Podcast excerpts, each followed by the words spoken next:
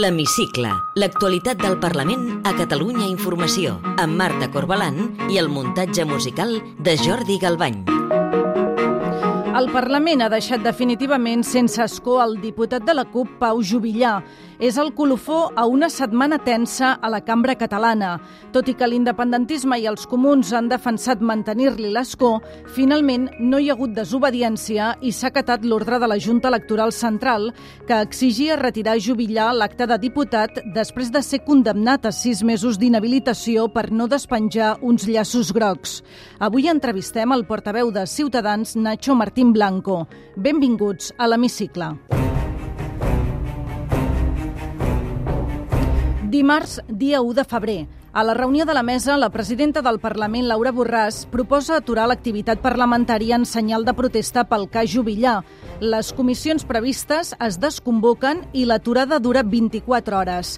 Des del seu despatx d'audiències, Borràs fa una declaració institucional. Proposem als òrgans parlamentaris que desconvoquin les sessions eh, que fins ara estaven convocades fins que aquesta comissió de l'Estatut del Diputat no emeti el seu dictamen. I això ho hem acordat per l'extrema gravetat de la situació que vivim i amb la finalitat de defensar els drets dels electes i dels seus electors.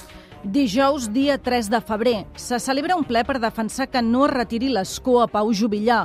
La CUP demana que Jubillà pugui delegar el vot en un altre diputat perquè per motius de salut no pot assistir a la cambra. Aquesta petició és la prova del cotó per saber si continua sent o no diputat. La delegació de vot de Pau Jubillà no consta en les delegacions de vot d'aquest que hem acceptat per aquest ple. La presidenta del Parlament no li accepta la delegació de vot al·legant un conflicte d'interessos perquè el dictamen que s'ha de votar al ple afecta el mateix diputat. Però és que Jubillà ni tan sols ha estat convocat a la sessió plenària. Unes hores abans, la secretària general del Parlament, Esther Andreu, havia ordenat als funcionaris de la cambra que complissin la resolució de la Junta Electoral. La CUP no s'ho ha pres gens bé i en senyal de protesta els copaires van decidir que cap dels seus diputats no votaria el dictamen al ple. La portaveu del grup, Eulàlia Reguant, denuncia que negant el vot a Jubillà se li estan suspenent els seus drets. Avui, en Pau Jubillà no ha estat convocat a aquest ple. Per això avui, el nostre grup parlamentari, perquè el nostre company Pau Jubillà, que és diputat d'aquesta cambra, no ha estat convocat, hem decidit que no votarem. El diputat de Junts per Catalunya, Francesc de Dalmases, defensava l'actuació de la presidenta del Parlament. Ni una lliçó a Junts per Catalunya sobre determinació política o sobre la por que puguem tenir, perquè puguem explicar, com hem fet al principi d'aquesta intervenció, que quan cal ho paguem amb exili, quan cal ho paguem en presó. Des d'Esquerra, el diputat Jordi Orovich lamentava que un altre diputat perdés l'escó, com va passar amb Quim Torra el 2020. Avui, crec que tots estem d'acord, no som on volíem ser. I som exactament al mateix lloc on no volíem ser fa dos anys, malgrat ens pesi a tots com ens pesava llavors. És per això, reiterem, que a cada amenaça, a cada ingerència, a cada intromissió, hem de ser més. L'única manera de sortir d'aquest cau de misèria moral i democràtica és la independència. Els comuns, tot i votar a favor de mantenir l'escó al diputat de la CUP, eren conscients que passaria el mateix que en Quim Torra quan aleshores Roger Torrent presidia el Parlament. David Cid és el portaveu d'en Comú Podem. Quan al final el que queda clar és que s'ha imposat la via de Torrent, mira, si, si m'ho permeten, hi ha hagut un torrent de realitat que els ha passat per sobre i que, evidentment, ha acabat passant doncs el que sabíem que passaria. La portaveu del PSC, Alicia Romero, va qualificar d'esperpent el que s'ha viscut aquesta setmana al Parlament. Mai com avui, com aquests dies, presidenta Borràs, el Parlament de Catalunya ens havia avergonyit tant. Aquests dies hem assistit estupefactes, la veritat, a un esperpent polític indigne d'una ciutadania que no s'ho mereix. El Partit Popular, Ciutadans i Vox van carregar amb duresa contra la presidenta Borràs. Sentim els diputats Alejandro Fernández, Carlos Carrizosa i Ignacio Garriga. Nada más y nada menos que 15 días de vacaciones pretendía cascarse su majestad Borràs, cerrando el Parlamento, eso sí, cobrando. Menuda jeta, señora Borràs, menuda jeta. El señor Jubilla ya no es diputado, ya no lo es.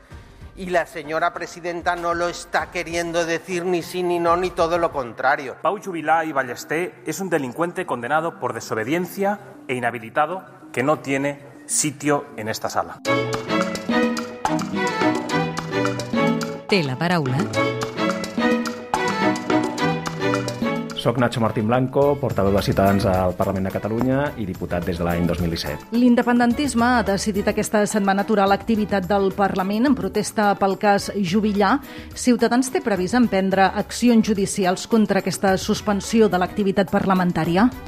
Bé, nosaltres eh, efectivament estem eh, plantejant-nos eh, accions eh, judicials perquè hi ha hagut una lesió del nostre dret com a diputat en algunes comissions que han quedat eh, suspeses per aquesta decisió, aquesta recomanació de la presidència del Parlament. És veritat que al final la cosa eh, s'ha aturat més aviat del que algú podria pensar i hem de veure exactament quines són les conseqüències eh, jurídiques que se'n poden derivar, però efectivament estem, estem estudiant quines accions eh, legals ens poden assistir per, eh, doncs, d'alguna manera, eh, rescabalar aquest, aquesta, aquest perjudici al nostre dret de participació política quan es suspenen de forma irregular comissions, com es va fer abans d'ahir amb algunes comissions eh, que s'havien de celebrar, però que aquelles comissions on hi havia una presidència de partits independentistes es van, es van suspendre, cosa que és bastant irregular.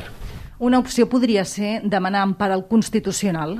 Sens dubte, la, la solució que un, eh, que un ciutadà o un polític, qualsevol eh, que visqui en aquest país, té per eh, defensar els seus drets i llibertats fonamentals és acudir en empara al Tribunal Constitucional i és una opció que nosaltres eh, efectivament estem, estem contemplant perquè és exactament això, és una vulneració d'un dret fonamental, que és, eh, crec que d'acord amb l'article 23 de la Constitució, el, el reconeixement del dret a la participació política i això qui ho tutela és Espanya i altres països, el Tribunal Constitucional, la màxima acord eh, constitucional del país. Creu que les resolucions de la Junta Electoral, que és un òrgan administratiu, s'han d'acatar abans que el Tribunal Suprem resolgui les mesures cautelars que en aquest cas han demanat el mateix diputat Jubillà i el mateix Parlament?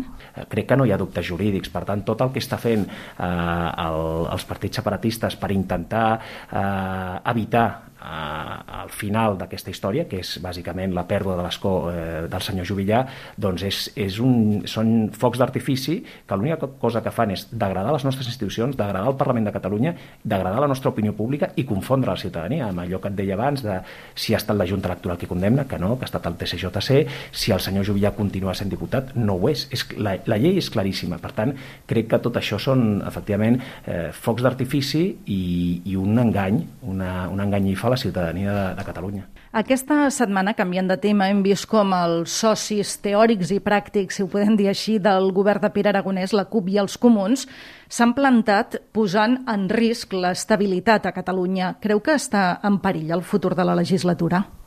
Bé, per desgràcia, la inestabilitat política és una constant en la vida política de, de Catalunya en els últims anys. Eh, S'ha normalitzat eh, que les legislatures puguin no durar quatre anys i això té uns perjudicis enormes per, la, per desenvolupament econòmic, pel progrés econòmic de la nostra, de la nostra comunitat, en definitiva, per l'estabilitat i la seguretat jurídica del conjunt dels ciutadans de Catalunya. És, és perjudicial pels ciutadans de Catalunya que les legislatures no tinguin una, una durada normal. Les democràcies han establert a, a gairebé tot el món eh, eh, legislatures de 4, 5 5 anys, en alguns llocs una mica més, però en tot cas 4 anys és, una, és un període bastant homologable a altres parts del món i en canvi aquí estan durant les, les legislatures dos anys i mig, eh, tres anys com a, com a normal i amb una inestabilitat política i una inseguretat jurídica que jo crec que perjudica enormement eh, el progrés econòmic i social de la nostra comunitat. Saltem un moment del Parlament al Congrés dels Diputats. Ciutadans ha permès aquesta setmana avalar la reforma laboral. És una manera de recuperar la centralitat política? Poden convertir-se en socis, encara que sigui ocasional, del govern de Pedro Sánchez? Bé, jo crec que eh, el senyor Sánchez ha demostrat abastament eh, quines són les seves preferències eh, com a socis parlamentaris, però sí que és veritat que nosaltres sempre hem estat disposats a ser un, una, un soci fiable, confiable, per qualsevol que tingui una voluntat de tenir un projecte col·lectiu pel conjunt d'Espanya, un projecte que sigui positiu pel conjunt dels espanyols, i hi ha coses que creiem que haurien d'estar per sobre de les velaitats partidistes. I en aquest cas creiem que eh, aquesta reforma laboral segurament segurament no és la reforma que nosaltres impulsaríem, però és una reforma eh, que ha estat avalada per sindicats i patronals, és una reforma que compta amb un, amb un consens eh, social i econòmic mm, força important i des d'aquest punt de vista creiem que és important eh, oferir al govern d'Espanya la possibilitat de fer descansar la governabilitat del país en un partit que és, eh, que és un soci lleial, que és un, és un soci que és, eh, diguem-ne, que té una, una visió de conjunt i que no està ni per eh, aventures rupturistes ni molt menys eh, per normalitzar un partit com, com és Bildu. L'any que ve hi haurà eleccions municipals. El seu partit està prou fort per encarar aquestes eleccions a Catalunya. Ho dic tenint en compte que alguns exdiputats de Ciutadans han marxat al PP i també a Valents, el nou partit hereu de Manuel Valls.